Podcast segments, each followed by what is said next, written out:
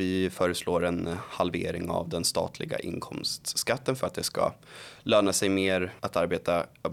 Både de i lägre inkomstgrupper men, men även de ja, som, har, som har utbildat sig lite mer. Det ska löna sig att utbilda sig och jobba i, i alla inkomstnivåer så att säga.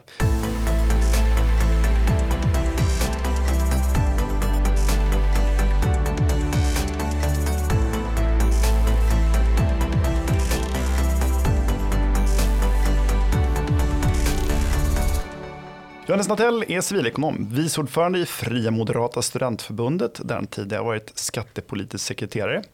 Och han är också tidigare näringspolitisk expert på Almega. Varmt välkommen till Skattebetalarnas podcast Uppskattad Johannes. Tack så mycket.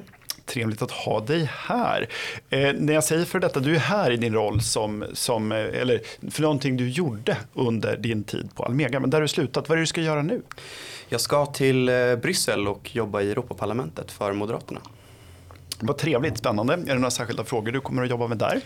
Eh, jag kommer jobba i Arba Kokalaris stab och eh, främst kommer jag ha ansvar för kommunikation som det ser ut som nu. Mm, spännande, spännande. Det blir inte riktigt lika mycket skattefrågor då eftersom EU inte har skattekompetens än. Vi får väl se hur det går. Men bromsa gärna så, gott det går. Ska göra mitt bästa. Ja. Du har ju arbetat på Almega och jag har tidigare intervjuat Patrik Joyce som ju är chefekonom. Men för de som inte känner till då Almega, vad är ni för någonting?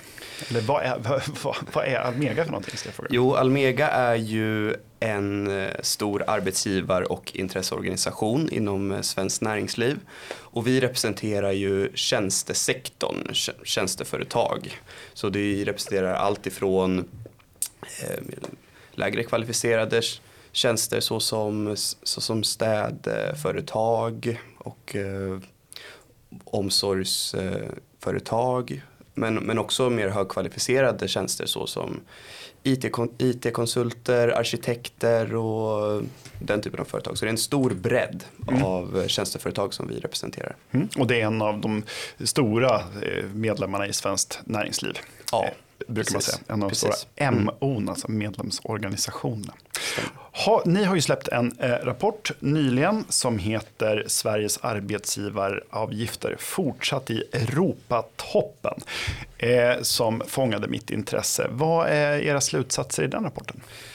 Ja, slutsatserna är eh, som titeln på, på rapporten an, antyder att eh, kostnaden att anställa och eh, behålla personal i Sverige är eh, väldigt, väldigt högt. Mm också relativt andra länder. Så att vi har, det vi har gjort i rapporten är att undersöka arbetskraftskostnaderna för dels i Sverige, dels i en rad eh, andra europeiska länder. Mm. Och kommer fram till att eh, Sverige ligger högt, bland, bland högst i eh, högst i Europa. Det är endast i Luxemburg, Norge, Island och Danmark där det är dyrare att anställa. Och i tjänstesektorn ska jag, ska jag vara tydlig med att, med att säga att vi har undersökt arbetskraftskostnaderna för eh, tjänsteföretag. Just det, mm. precis, precis. Bara för att ha med det. Eh, och, där, och ni företräder då som sagt tjänsteföretagen. Och varför är arbetsgivaravgifterna ett så stort problem för just tjänsteföretag? Ja, det bygger ju mångt och mycket att vi är personal, personalintensiva branscher där det är någonstans medarbetarna och deras kompetens som är den viktigaste produktionsfaktorn. Till skillnad från kanske stora industriföretag med stora maskiner och som har mycket mm, sådant kapital medan, medan våra företag är ju som sagt mer personalintensiva och då blir lönekostnaderna en eh, mycket större andel av de totala kostnaderna. Så då arbetsgivaravgifterna blir betydligt mer kännbara då, skulle, jag, skulle jag säga. Och det kan väl vara en förklaring för att arbetsgivaravgifterna klättrar upp där i slutet på 60 talet på 70-talet så börjar ju de landa eh, på de nivåer de arbetsgivaravgifterna ligger på idag. Mm. Eh, och Sverige är ju traditionellt sett ett tungt industriland. Eh, och för den, för den tunga industrin är arbetsgivaravgifter inte, lika, inte alls lika känsligt. Eh, varken nu eller tidigare. Även om naturligtvis man behöver kvalificerade personer. Men mm. en, en stor del av kostnaden för företaget om man är i industrin är ju då inte personal utan maskiner. Mm. Och det kan man göra avdrag för också. Eh, intressant. Och vi har då konstaterat i rapporten de sjätte högsta arbetsgivaravgifterna och eh, nionde dyraste lönekostnaden om jag läste rätt va? Ja, exakt. Ja, intressant. Eh, eh, har ni några reformförslag i rapporten? Är det, någonting som, är det här ett sätt att, att uppmärksamma ett, ett viktigt eh, ämne eller har ni några förslag också?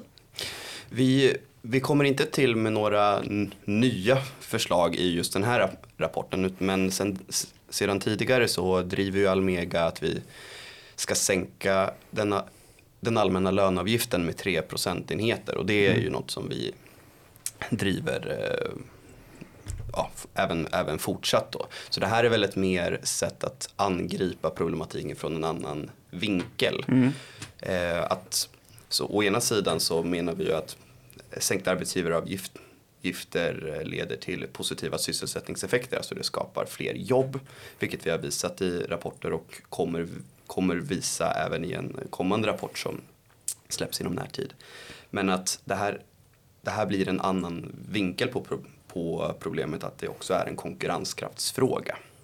Så, så att eh, reformförslaget är, är, är densamma. Vi ser helst en generell sänkning av arbetsgivaravgifterna med 3 procentenheter till att, till att börja med. Och, eh, men sen, sen såklart vi är ju principiellt inte, inte emot även, även andra sänkningar. Eh, vissa aktörer har ju gått ut med eh, att man föreslår sänkningar för riktade grupper, unga, långtidsarbetslösa det är ingenting som vi är emot heller men får vi välja själva så ser vi gärna en generell sänkning. Ja. Eh, Sverige, för, och det kan vara värt eh, att förklara. Vi, eh, Skattebetalarna släppte en rapport här i maj förra året som heter Den allmänna löneavgiften, den dolda skatten på arbete berikar staten allt mer. Mycket dramatisk titel. Eh, och I den konstaterar vi att arbetsgivaravgiften består i runda slängar av tre delar. Där en är då en ålderspensionsavgift och sen är eh, en tredjedel sjukförsäkrings, föräldraförsäkrings, arbetsmarknads och arbets, arbetsskadeavgift. Och sen är den sista tredjedelen då den här allmänna löneavgiften som faktiskt också är den största delen. Den är på 11,62 procent. Och den infördes då i samband med att Sverige gick med i EU för att finansiera eh, vår avgift till som medlemsavgiften i EU helt enkelt. Och då var den på någon enstaka procent, 1,4 om jag minns rätt. Eh, och nu har den då eh, stigit och stigit och ökat hela tiden och inte minst under alliansåren när man eh, parallellt med jobbskatteavdragen som naturligtvis applåderades så höjde man då i smyg den här allmänna löneavgiften som då idag nästan är 12 procent enheter.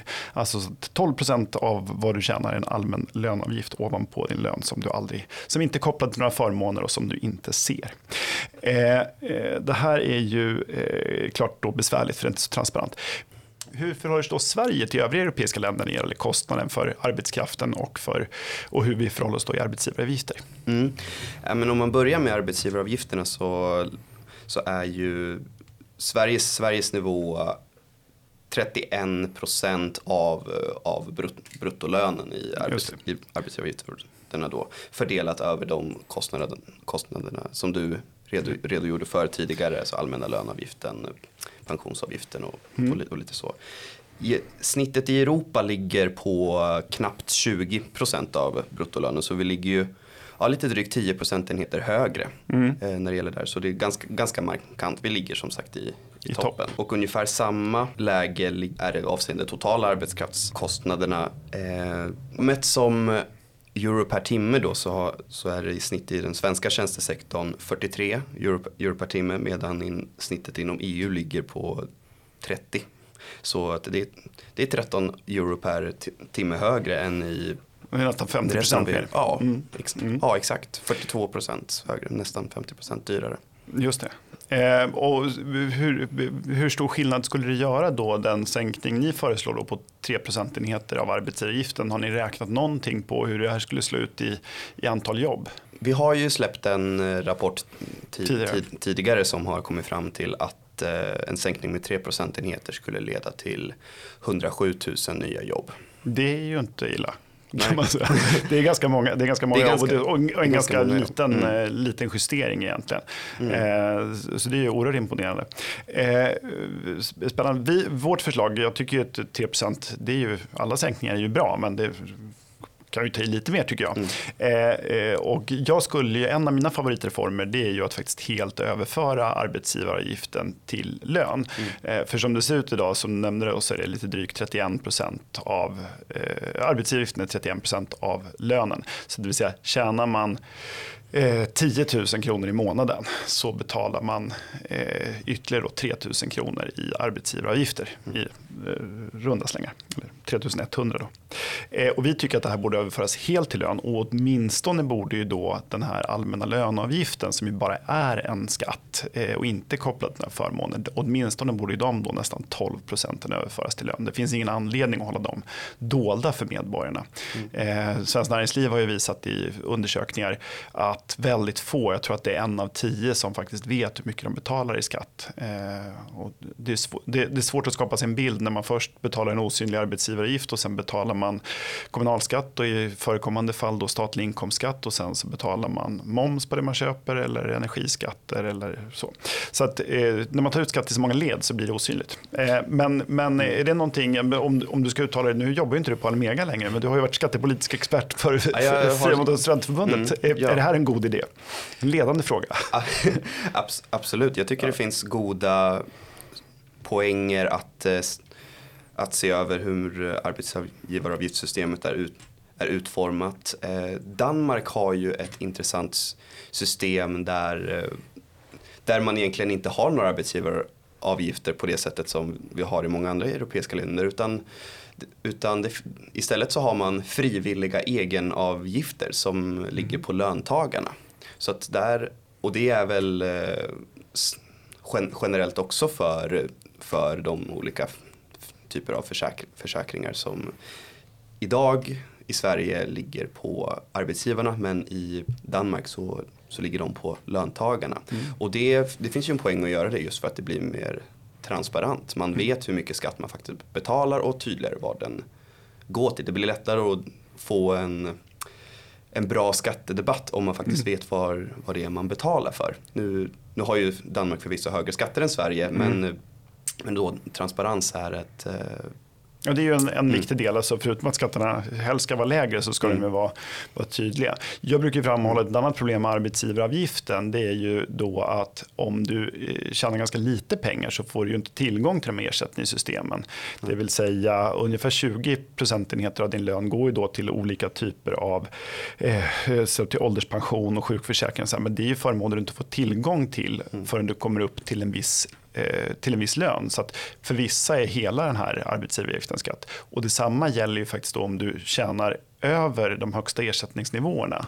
Mm. Eh, föräldrapenningen är väl högst tror jag, då för 80% av lönen till ja, om det är runt, är det, runt 40 000 kronor i månaden eller någonting ja, sånt där. Eh, så, så får du ju bara tillbaka 80% av det oavsett sen vad du tjänar. Så över en viss inkomstnivå, runt 40 000 spänn i månaden, eh, så är ju hela arbetsgivaravgiften skatt. Mm. Och man kan väl också lägga till där att kopplingen till de olika del eh,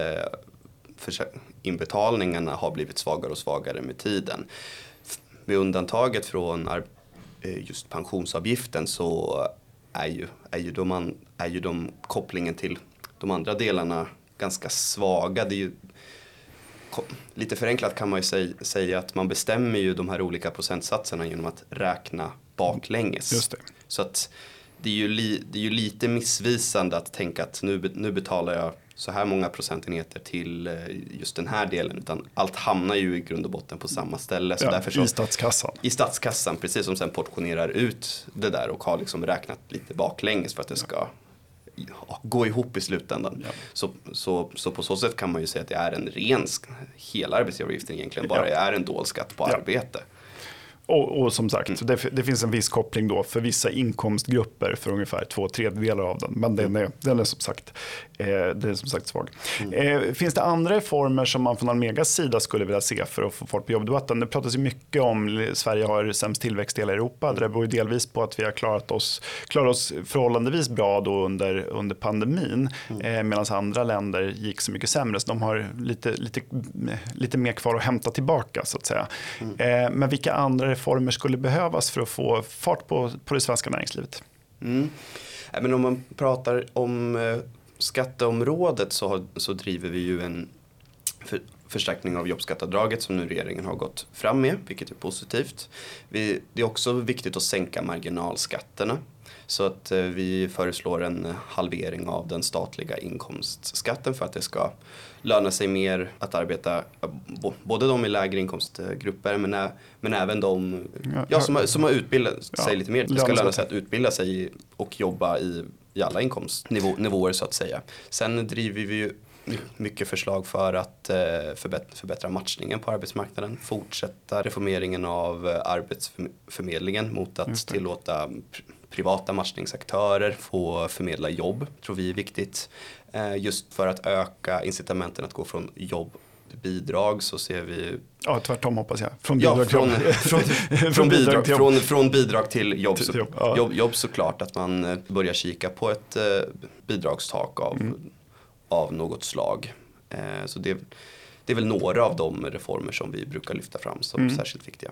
Ja, och där har vi haft nu eh, en inte särskilt eh, positiv utveckling på den statliga inkomstskattens område där eh, regeringen i budgeten nu föreslår att, att man inte då ska flytta upp den här så kallade brytpunkten då där man börjar betala statlig inkomstskatt utan att den landar på lite drygt för 52 000 kronor i månaden är väl som, som den statliga inkomstskatten gäller. Och nu har ju då många fått höjda löner med de avtal som nu råder mm. och det gör att allt allt fler då tvingas betala då den här statliga inkomstskatten. Och den ligger då på ytterligare då 20 procent mm. av det man tjänar. Så att, eh, tjänar man 52 000 kronor i månaden då betalar man alltså först eh, 31,42 procent av lönen i arbetsgivaravgifter och sen så på hela lönen och sen varje krona man tjänar över 52 000 så betalar man då eh, beroende på lite vilken kommun man bor i men i regel då 50, eh, lite drygt 50 procent i skatt på mm. den sista intjänade kronan. Och sen ovanpå det så kommer en avtrappning av jobbskatteavdraget för de med lite högre inkomster. Så mm. vi har ju, är man då så kallad höginkomsttagare, det vill säga eh, lärare eller så, då ligger ju den effektiva skatten på arbete på ungefär 70 procent. Mm. Eh, och det är ju eh, orimligt högt. Eh, eh,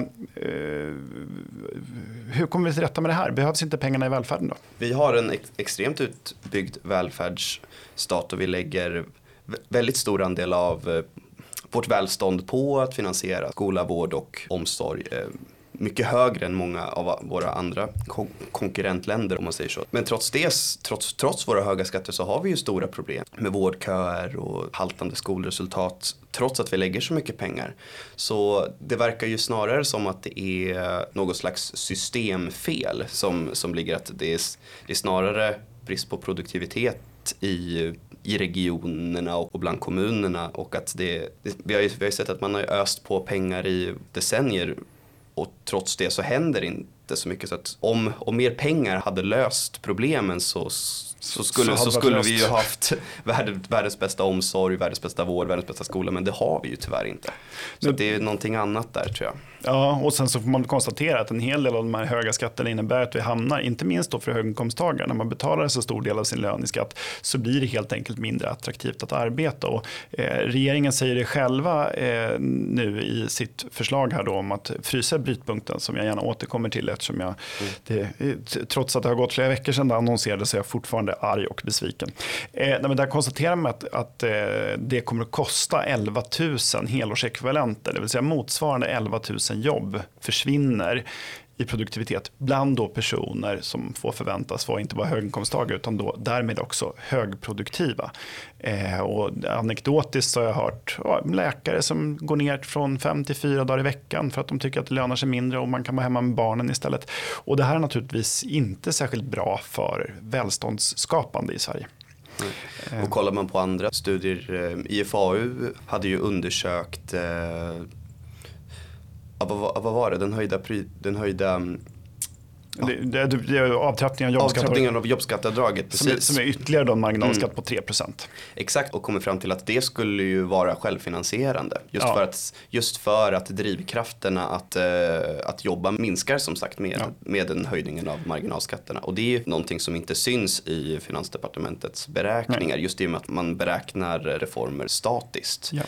Och det, ju, det, blir problematiskt åt båda hållen för sänker man skatter så har det säkert påverkan på, det lönar sig för fler att arbeta, då konsumerar man mer och kakan blir större för att använda den liknelsen. Och det är ju detsamma åt, an, åt andra hållet, att, att höjer man marginalskatter och, och andra skatter så blir, får man mindre över i slutet av månaden då minskar man konsumtionen och då ja, blir, det, blir det åt andra hållet. Då minskar ju kakan istället och, och därigenom skatteintäkterna. Ja, och det här är inte, handlar ju inte om att liksom tvinga folk att arbeta på något sätt. Vill man vara eh, liksom, ledig lite extra så, så är det klart man ska vara det. Men här skapar man ju, eh, man har inte så starka incitament att arbeta när det blir så lite kvar. Och det är ju ett problem. Och det, jag såg någon eh, debattör på Twitter raljera över att han minsann kände många som, som känner över brytpunkten och att de inte, liksom, inte sa upp sig bara för att skatten höjdes.